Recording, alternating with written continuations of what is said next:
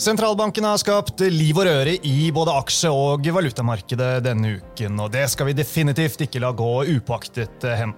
Vi skal også innom Skipsted, Storebrand, porteføljen med nyttårsraketter, norske banker, Nell og oljeprisen i dagens episode.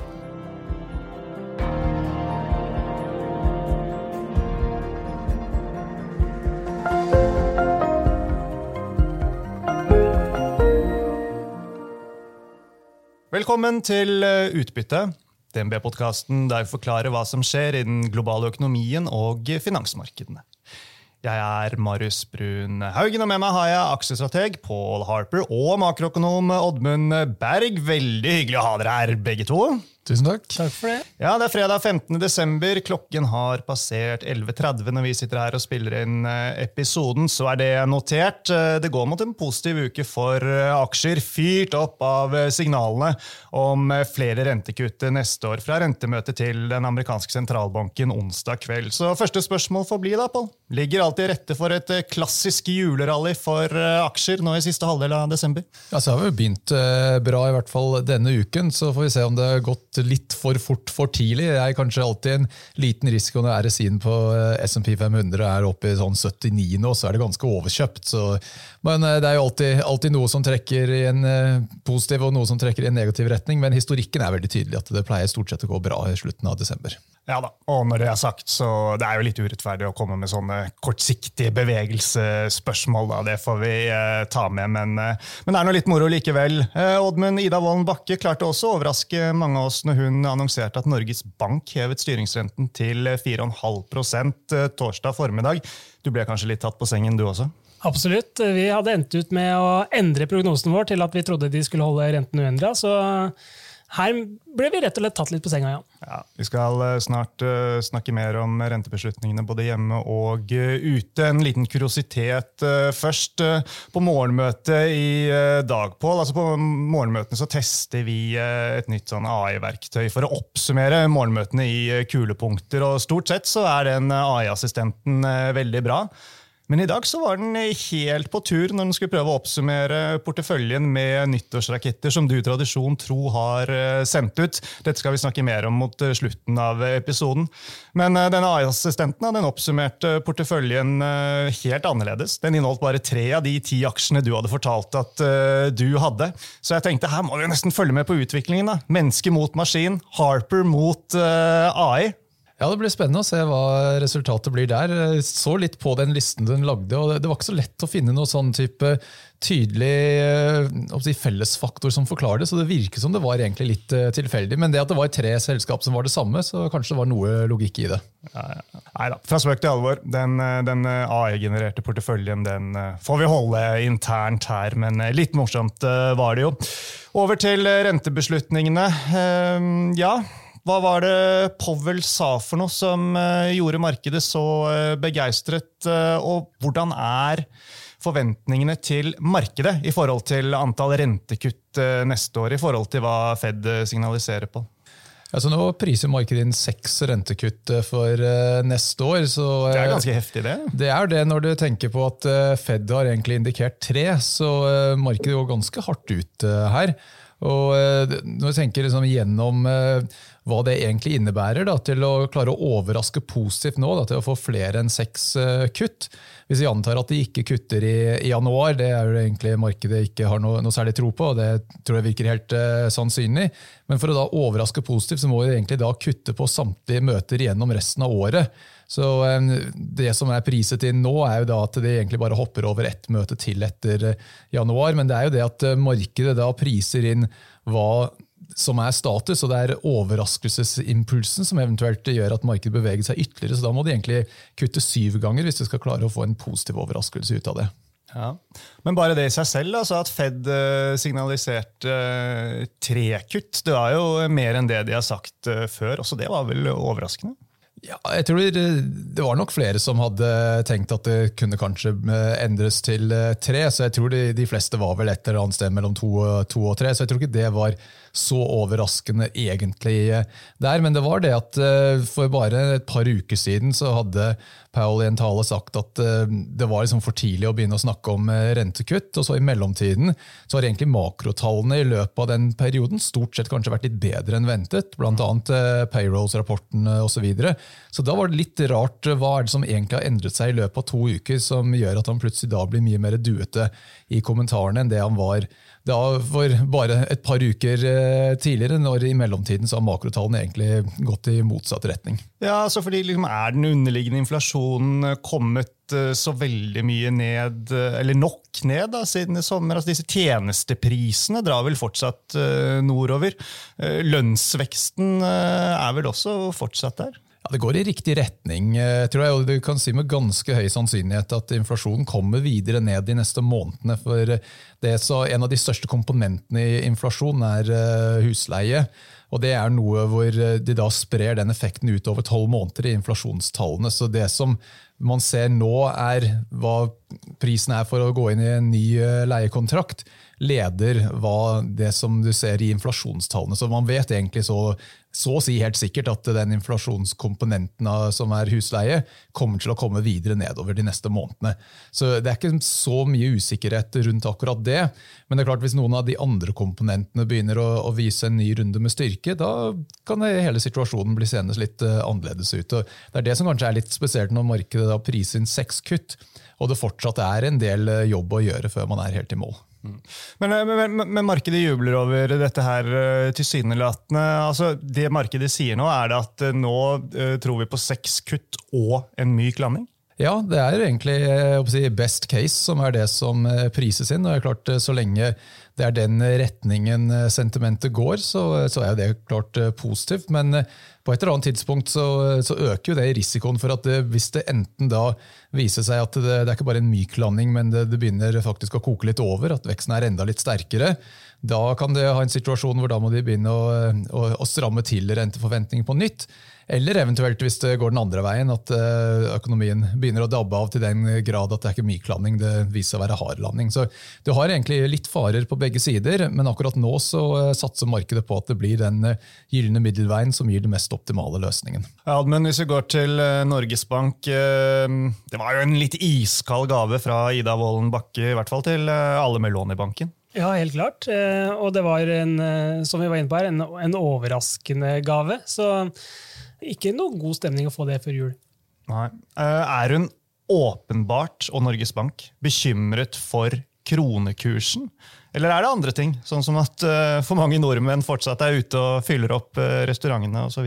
Uh, hvis du ser på uh, kommunikasjonen, ser på re renteregnskapet, hvor de dekomponerer hva som har påvirket beslutningen osv., så, videre, så da er det helt tydelig at det er kronekursen som er bakgrunnen for at man hever ytterligere nå. Og det er ikke å heve for å styrke kronekursen man gjør, men det er eh, den svekkelsen vi har hatt, som kommer til å gi inflasjonsimpulser fremover, og som også bidrar til at det er utsikter til et høyt lønnsoppgjør neste år. Og det, det lønnsoppgjøret neste år det, det, er en slags, eh, ja, det er en veldig sterk kraft for hva du kan forvente av prisvekst eh, gjennom året neste år. Det blir bra kjøpekraft, og da er det også duket for at prisene kan fortsette å, å vokse. Mm. Mange ble overrasket over det, og noen liksom tar til orde for at det var feil. Men man, man kan vel forstå Norges Bank uh, også. De, de, vil jo ikke at inflasjonen skal få, skal få, mer feste nå enn det den har. Helt klart. Jeg, jeg, tror det er viktig å eh, stikke fingeren litt i jorda innimellom og, og, og, tenke over at dette er ikke noe eksakt vitenskap. Tideler det, uh, det kan vi ikke forholde oss til når vi skal snakke om hvor høy rente tåler norsk økonomi, hvor høy må renten være for at det er nok osv. Det er ingen som har noe full oversikt over det. Eh, alle skjønte at det var en, en eh, veldig 50-50 beslutning nå, eh, men de føler nok helt klart at det er en overveiende risiko her for at prisveksten ikke fortsetter ned på samme måte i norsk økonomi som vi har sett andre steder. Og den risikoen den velger de å adressere, samtidig som de får den heldige effekten at kanskje krona kan få litt medvind, og at en del av de, den utviklingen vi har hatt i 2023, da, kanskje kan gå litt andre veien. Eh, sånn at man er trygg på at man kommer ned mot målet. Hvor bekymret er de for lønnsveksten oppi dette her? Ida Wolden Bakke sa vel at de tror at lønnsveksten blir 5,5 mm. til neste år, om jeg ikke hørte feil? Ja, de er bekymret for lønnsveksten, eh, for å si det kort. Eh, og så trodde nok mange at eh, den forventningsundersøkelsen som kom i fjerde kvartal, som viste litt lavere forventninger til lønnsvekst neste år, mm. skulle ha mye å si for at de kanskje ville vente. Og Men dette er vel fordi det går bra for eksportindustrien? Ikke ja, så det er resonnementet er rett og slett at svak krone gjør det svært lønnsomt for eksporterende bedrifter de eh, er frontfaget.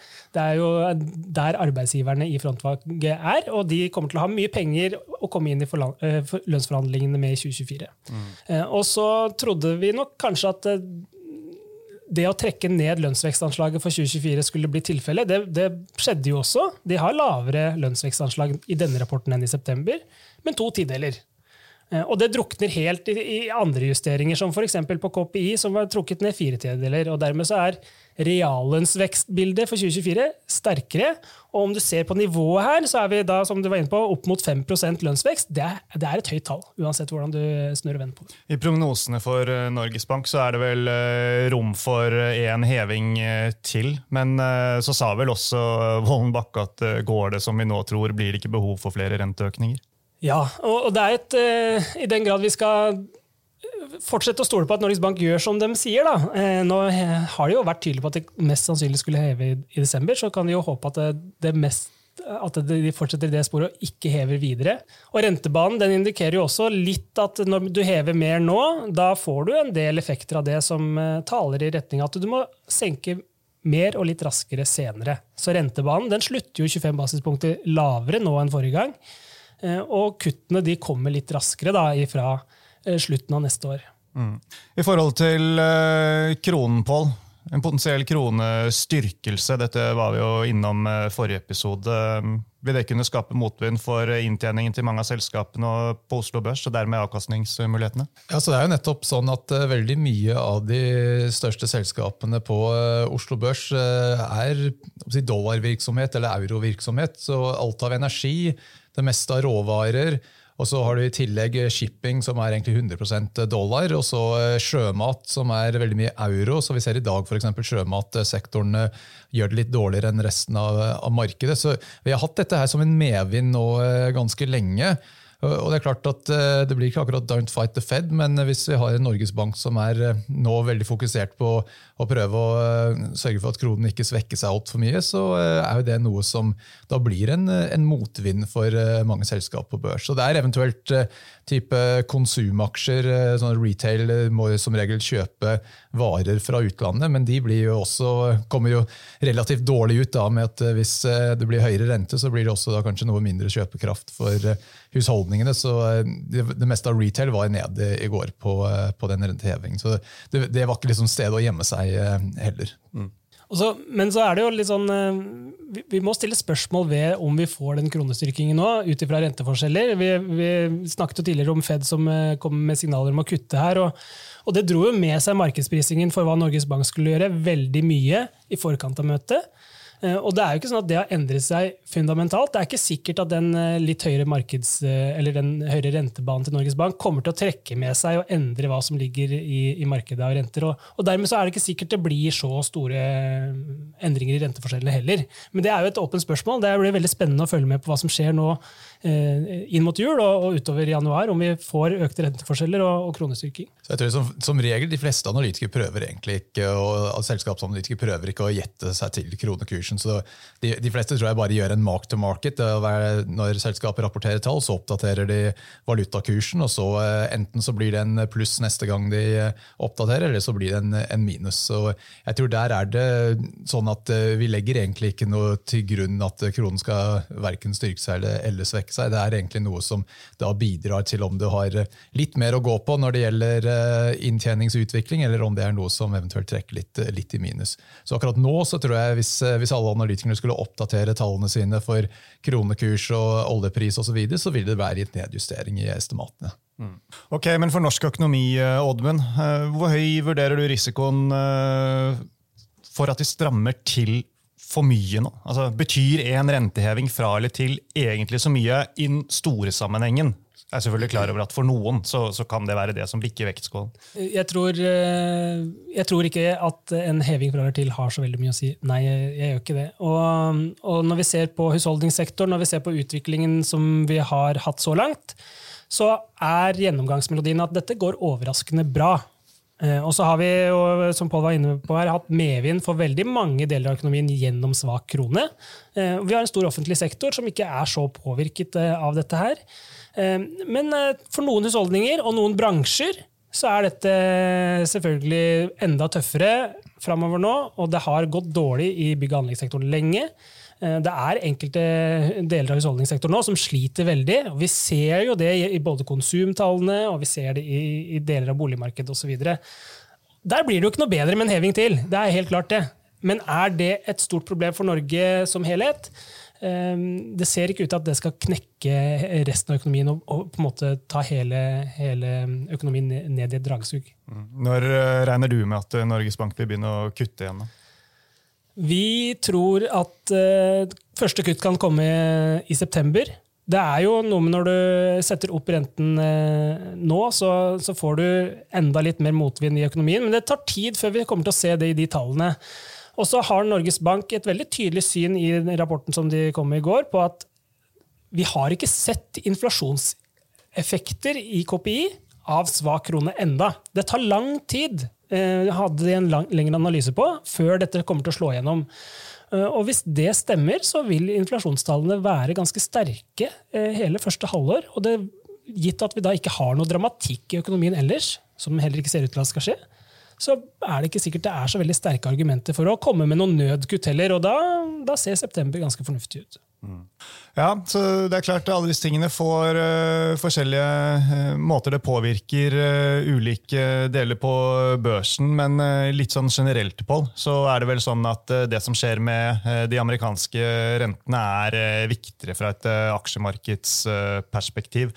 nesten uavhengig av sektor. Med noen unntak, da, selvfølgelig. Ja, så jeg si Norsk banksektor blir jo mer påvirket av norske renter, men utover det, og kanskje til en viss grad uh, innenfor uh, retail og og den type boligrelaterte sektorer, så er det stort sett hva som skjer med amerikanske renter som er det, det viktige, og det er det som blir som drivende både for sentiment og, og prising.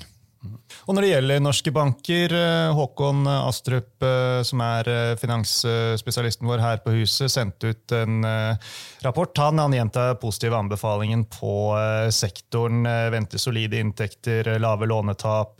Det er rom for utbytte, kanskje også høyere utbytte fra mange av bankene. Vi har en konsolideringstrend i sektoren som vi har snakket om tidligere her i podkasten, som er verdt å, å merke seg. Prisingen er på rundt åtte ganger neste neste års eh, PE. Um, ja, Kort og godt eh, så fikk de denne eh, renteøkningen på toppen, selv om de kanskje ikke får utnyttet den fullt ut. Jeg har i hvert fall sett noen banker som har gått ut og sagt at vi ikke kommer til å heve lånerentene, men det gjenstår jo, gjenstår å se. Ja, nei, Det er en sektor som skriner veldig attraktivt, syns jeg, på prising. Som sier, sånn type P-multiple på 8 og direkteavkastning ofte sånn 6-7% på mange av disse, disse, selskapene. Så Det som er sånn dilemma her, vil jeg si, at sånn bottom up, når du ser på selskapene fra, fra bunnen av, så ser det veldig attraktivt priset ut. Men så når du ser sånn ovenfra og ned med sånn makroperspektiv, så er det ofte sånn at du skal eie bank når sentralbanken setter rentene opp. Men du skal ikke eie det når sentralbanken begynner å sette rentene ned. Og hvis du tenker at Stort sett så prøver jo markedet hele tiden å se fremover. Nå er det kanskje mer sannsynlig at neste endring er eh, kutt heller enn enda en, en renteheving. Og I tillegg så er det kanskje sannsynlig at det dukker opp noe mer lånetap eh, til neste år enn det vi har sett i år så har som makrodriverne som har et negativt fortegn, mens mikrodriveren, eller mikro i forhold til prising, har et positivt fortegn. Og Da gjør sånn den eh, vurderingen litt sånn vanskelig. Skal man egentlig eh, være overvektig bank nå eller, eh, eller ikke? Og Jeg må at jeg, jeg har ikke helt klart å, å, konkludere selv helt hva som er mest, mest fornuftig der. Ok. Sparebanken Vest og SR-Bank er i hvert fall topp kjøpanbefalingene da, i sektoren. Det får vi ta med. Storebrand har vi også snakket om flere ganger i det siste. De hadde kapitalmarkedsdagen sin denne uken. Klarte ikke helt å innfri, Pål. Vi gjentar kjøpsanbefalingen. Kursmål 119 kroner, så vidt jeg har sett, er de fleste andre meglerhusene, i hvert fall flertallet, også på den positive foten fremdeles. Så spørsmålet er om det har vært litt svakt denne uken, så om det er en kjøpsmulighet, rett og slett. Ja, jeg tror ikke det var noe sånn veldig dramatikk den uh, kapitalmarkedsdagen. Vi har justert ned estimatene med rundt 3% så det var litt, litt på den skuffende siden, det må, må vi bare innrømme. Men uh, det var ikke noe som liksom, endrer caset på, på noe vis. Så, litt sånn som med bankene, så er dette også en aksje hvor de betalte ut veldig mye av overskuddet til. Så her har du en blanding av tilbakekjøp av aksjer og, og utbytte som eh, antageligvis da kan være opp i en sånn type 8% årlig nå i, i mange år fremover. Så etter hvert som de bygger ned den garanterte låneporteføljen der, så, så, er jo det noe som eh, de da også kan også bli mer capital light, som de sier. De trenger ikke å ha like mye kapital som tidligere, og det er noe som de kan da utbetale til aksjonærer. Så Det er liksom en prosess som har vært pågående en stund, og det gjør også at du kan egentlig prise aksjen noe høyere enn tidligere, når det ikke binder så mye kapital som, eh, som før. Så En typisk sånn asset manager-aktig selskap har gjerne høyere multipler enn eh, livsforsikringsselskap. Så etter hvert som de da blir mer og mer asset manager, så kan man også egentlig regne med at P-multiplen kan stige fra de nivåene vi ser nå. Mm. Oddbund, eh, pandemipengene, som vi har snakket mer, en del om eh, opp gjennom de siste årene. Altså disse oppsparte midlene fra vi alle måtte være hjemme og ikke kunne bruke penger sånn som vi pleier. Er de nå i ferd med å bli brukt opp? Hvor sikre er vi på det? Hvor sikre er vi på at de er i ferd med å bli brukt opp? Ja. Ganske sikre på at det er uh, nesten brukt opp. Uh, vi har Men det er viktig å ta noen forbehold i det utsagnet. Altså, fordi vi må når vi vurderer hvor mye midler man har i forhold til hva som er normalt, eh, så er det en viss vekst i dette her. ikke sant? Så hvis jeg, jeg sier at jeg hadde vanligvis 10 000 kroner på konto før pandemien, så skulle jeg kanskje i en normaltilstand i dag, hvis det ikke hadde vært pandemi og alt mulig rart, hatt hva da, 12 000, eller, ikke sant? Mm. Det skulle vokse noe. Eh, og det har det gjort. Så i nominelle termer så er fortsatt mengden sparing mye større nå enn før pandemien. Men ser du dette i forhold til eh, inntekt, da, for å på en måte kjøpekraftjustere noe, så, så, ligger vi vel i snitt, eh, når vi ser på de utvalgene vi gjør, et eh, par prosent over førpandeminivå i forhold til inntekt. Så det er jo ikke veldig mye. Nei.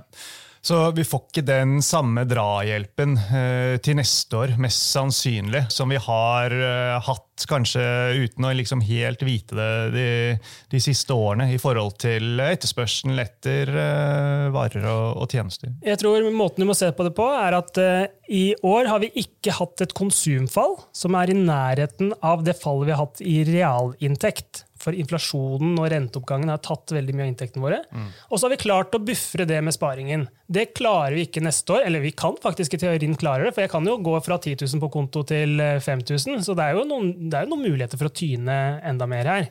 Men så er jo det positive i det bildet at uh, utsiktene for neste år er jo nettopp reallønnsvekst. Så vi kommer jo ikke til å ha den samme kjøpekraftsreduksjonen i 2024 som vi hadde i 2023, og dermed ikke det samme behovet for å bruke av sparing for å ha konsumvekst.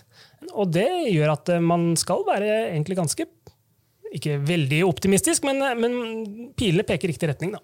Mm. Gjennom 2024. Så kanskje man skal eie Norwegian-aksjer, da, Pål? Eh, at eh, de etterspørselen etter flybilletter det kommer til å holde seg på ganske bra nivåer, slik Norwegian har rapportert om nå i, i hele høst? Ja, så Det er litt så du sier at det har jo gått overraskende bra så langt. og at jeg, si, jeg hadde egentlig forventet at Norwegian ville rapportere at nei, nå begynner interessen å, å dabbe av litt. for det er klart det er eh, en del tusenlapper som, eh, som det, det, koster eh, for deres produkt, stort sett. Da, i, hvert fall, i, hvert fall, hvis du skal ta deg en helgetur et eller annet sted. Så du skulle tro at hvis du trenger å spare litt, så er det en forholdsvis enkel måte å gjøre det på. Men som du sier, så har det stort sett virket som etterspørselen der har holdt seg overraskende sterk. Og når man bare ute, går rundt i gatene i Oslo, så er det ikke åpenbart at det er mange som holder seg hjemme nå i forhold til tidligere.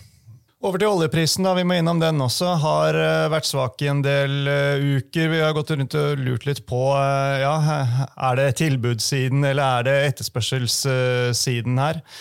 Og så har den kommet litt opp igjen da, mot slutten av uken.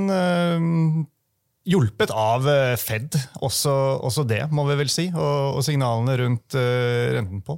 Ja, så Det er jo eh, si, til en viss grad en eh, dollareffekt her. for Vi snakker jo om oljeprisen målt i dollar. Det, så det er jo liksom ett et element av uh, historien. Så var det også si, litt sånn teknisk støtte sånn rundt 72, eller sånn teknisk støttesone, da kan vi si lavt på 70-tallet. Så det nådde det punktet, og så har det spredt det opp igjen etterpå. Så det er, det er flere faktorer som er inne i, inn i bildet her. Men det er klart, har du et litt mer duete Fed, så er risikoen for at økonomien økonomien eh, bremser veldig fort, eh, noe mindre.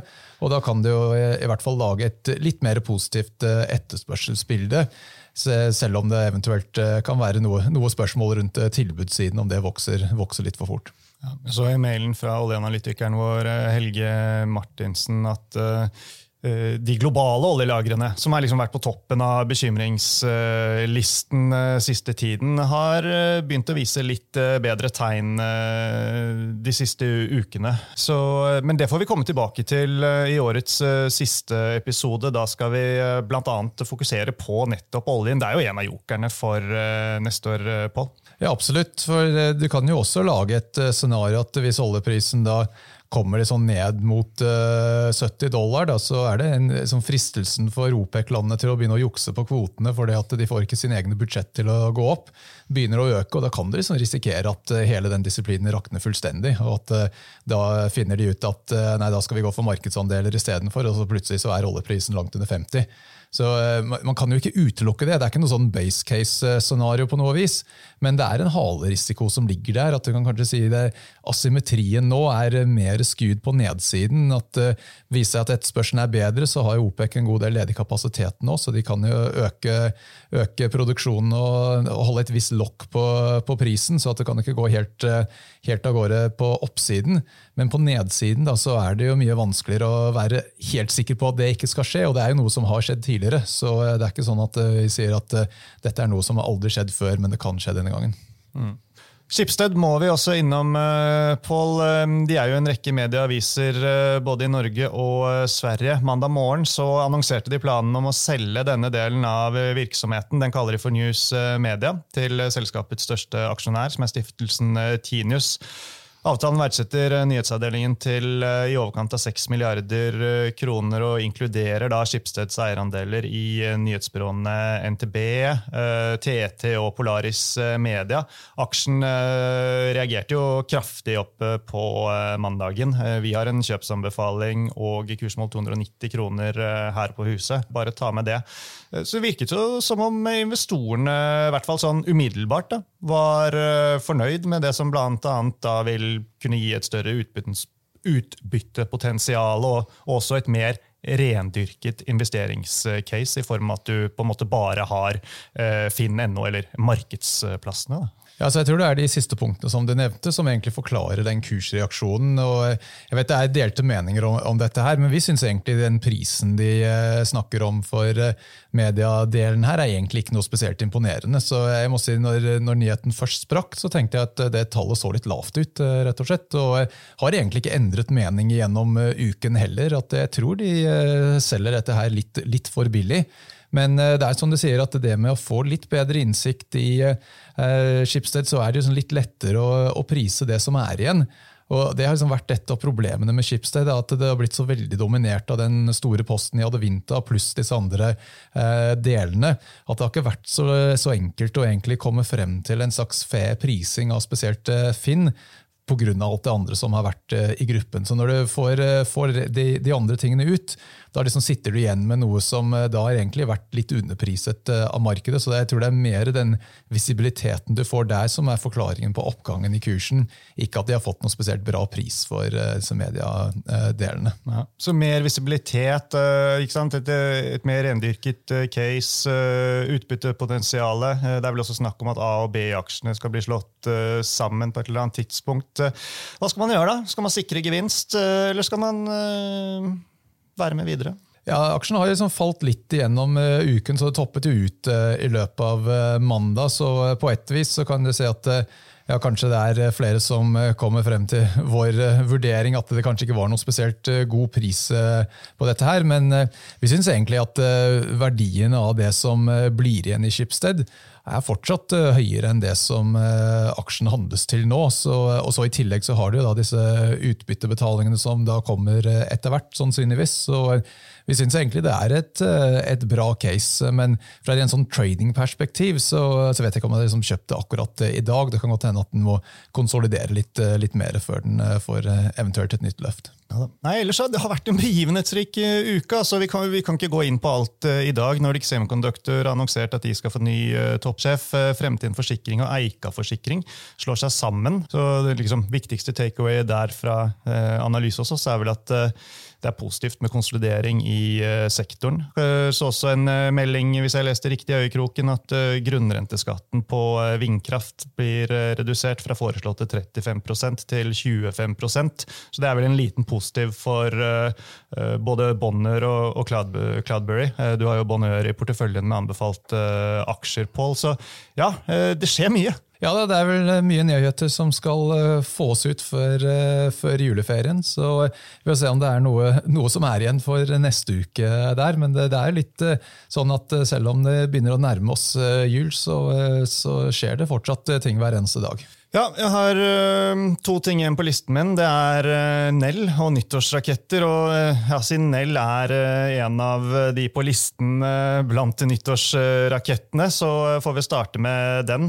Der har vi en saksanbefaling. Kursmål 4 kroner og 50 øre. og Det er fortsatt et godt stykke ned dit, men det kom en melding om en kontraktterminering tidligere i uken som definitivt økte bekymringen rundt ordrebokkvaliteten. Ja, jeg setter litt sånn vanskelig posisjon hvor eh, det er eh, noen av de utfordringene vi har med den eh, porteføljen, er at det er en liste av aksjer som har gjort det veldig dårlig hittil i år. og Nell er en aksje vi har en salgsanbefaling på. og Jeg er egentlig helt enig med analytikerens vurdering på dette her, at dette er et selskap som jeg tror kommer til å slite med å egentlig klare å generere noen verdier over tid. Og vi ser det nå, at de har utfordringer med at en, et en eh, kunde da har eh, trukket seg fra en, eh, en, ordre, og så har de en annen kunde som ikke har gjort opp for seg for en, en annen stor ordre. så Det er jo også noe som liksom ligger litt i, i, bakgrunnen der. så Det er si, et segment hvor det er veldig mye konkurranse. Det er ikke sånn helt åpenbart at Nell egentlig har noe konkurransefortrinn. Så eh, vi har et negativt syn på aksjen, men eh, den da kommer allikevel inn inn i denne porteføljen, fordi det er basert på hvilke aksjer som har falt mest gjennom året og at eh, de gjerne da får en, en god avslutning de siste, siste to ukene i, i, desember og første uken i, i januar. Så det blir sånn to forskjellige greier. Det fundamentale synet er ganske bearish, men sånn det taktiske synet da at det kanskje eventuelt kan få en, en, en kortsiktig rebound. Og uh, Nyttårseffekten da, som vi har nevnt uh, noen ganger nå, det refererer jo til uh, dette fenomenet om at aksjer historisk da, har steget I hvert fall en gruppe med aksjer, og det er da spesifikt ti, de ti taperaksjene for året som du tar ut. Portefølje med de stiger mer enn markedet i denne perioden fra midten av desember og ut de første er det fem handledagene i januar. Eh, du har sendt ut en rapport på dette her som er tilgjengelig på aksjehandelsplattformen. Det gjør du hvert år. Eh, mange kjenner nok til det, så får bare henvise til den. Og for de som er interessert, så kan de gå inn og lese mer der. Vi har også en video ute på dette. Det er mange som synes eh, dette er gøy, Pål, men, men vi er jo også opptatt av å presisere at man langt på nær skal satse alle pengene sine på akkurat dette. Det er snarere ja, Tvert imot. Ja, så Dette er jo spekulative aksjer, og det er en, en kortsiktig strategi det er uh, snakk om her. så Det er viktig at uh, man er klar over dette. at Det, det er ikke liksom noe sånn uh, type garantert suksessoppskrift. Det har funket mye oftere enn det ikke har funket, men fjoråret var et av de tre eksemplene hvor det ikke ga noe mer avkastning. Så trenger ikke å gå lenger tilbake i tid til å finne et tilfelle hvor det ikke, ikke gikk i mål. Neida. Så får vi presisere det vi var innom i sted, nemlig at uh, denne porteføljen den tar du uh, kun ut basert på hvordan avkastningen har vært så langt i år, og har derfor ikke noe å gjøre med anbefaling som vi måtte ha på selve aksjen.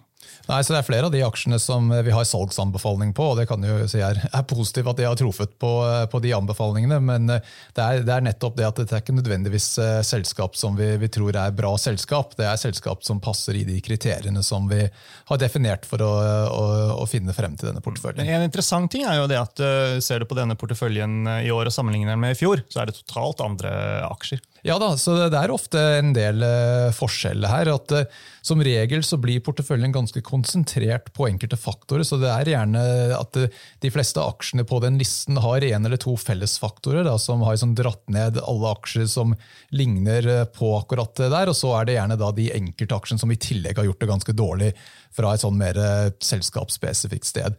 Så Denne gangen så er det da stort sett vekstaksjer, aksjer med høye P-multipler, som er de som vi finner på listen, så de har jo slitt voldsomt med at renten har beveget seg oppover. Og nå har jo mange av de fått en liten eh, rebound allerede med at rentene har kommet eh, noe ned. Men det er stort sett mye rentesensitive aksjer, så det er jo en, en, en element her at hvis rentene plutselig begynner å bevege seg oppover igjen, så skal det nok en del til at eh, porteføljen funker i år. Mm. Og så er det litt interessant at på den listen av de ti aksjene, så er det fire som er liksom i den type ESG-kategorien. Så det er jo noe som et sånt felles faktor. Da, aksjer som stort sett eller i hvert fall har vært posisjonert for eh, det grønne skiftet, som eh, ikke kommer noe spesielt eh, godt ut. og Der er jo Nell en av de. Og så er det tre helseaksjer, sånn type biotech, early stage-selskap. Det er jo også sånne type aksjer som sliter litt når rentene beveger seg oppover. Som regel så trenger de noe mer finansiering etter hvert, og da blir jo det dyrere.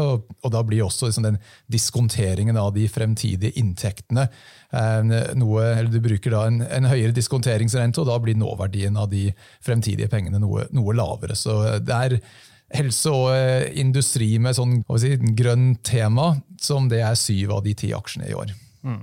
Ok, Dere finner som sagt hele rapporten inne i aksjehandelsløsningen i nettbanken til DNB, analyseportalen vår osv. Siste spørsmål får bli til deg i dag, Oddmund. Hvordan er eh, utsiktene for norsk økonomi i 2024, sånn eh, alt i alt? Eh, totalt sett ikke superbra. Sammenligner du det med 2023, så blir det jo et ganske svakt vekstår. Det handler litt om at vi hadde høy vekst gjennom året i år. Og ting flater mer ut. Men vi tror som sagt heller ikke på at det skal bli noen resesjon. Så Eh, tatt i betraktning den renteoppgangen vi har fått, og alt som har skjedd, så, så syns jeg det ikke ser så aller verst ut. Ikke veldig bratt ledighetsoppgang av dette her heller, tror vi. Så, mm. så vi får prøve å se framover og satse på at det går, går bra. Bra. Eh, du og jeg, Pål, vi har én eh, episode til vi skal eh, spille inn før jul. Den kommer i neste uke, så følg med, folkens. Det er ikke ferie helt ennå. Men vi runder av for i dag, så da gjenstår det bare å si tusen takk til dere begge for at dere var med. Og sist, men ikke minst, tusen takk, folkens, til alle dere som hørte på.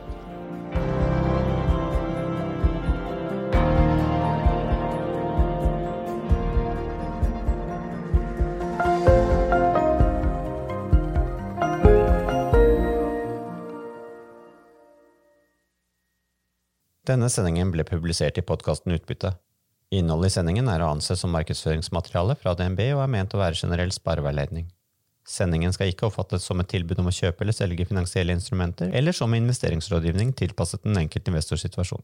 En investor som har behov for råd eller har spørsmål og informasjon som gis, bør kontakte en finansrådgiver. DNB påtar seg ikke noe ansvar verken for direkte eller indirekte tap som følge av innholdet i sendingen legges til grunn for eventuelle investeringsbeslutninger. Husk at historisk avkastning aldri er noe garanti for fremtidig avkastning. Avkastningen kan bli negativ som følge av kurstap. Bruk av prognoser for å beregne fremtidig avkastning er heller ingen garanti for fremtidig avkastning. Innholdet i sendingen bygger på informasjon fra offentlig tilgjengelige kilder som DNB ser på som pålitelige, men som ikke er uavhengig verifisert. Følgelig gir DNB ingen garanti i forhold til nøyaktighet og fullstendighet. Alle uttalelser her reflekterer DNBs, den enkelte ansatte, eller andre tredjeparts vurderinger på tidspunktet for den aktuelle sendingen, og kan i ettertid endres uten nærmere beskjed. Ytterligere informasjon om bl.a. kildebruk og interessekonflikter er tilgjengelig på dnb.no skråstrek invest, bindstrek disclaimer.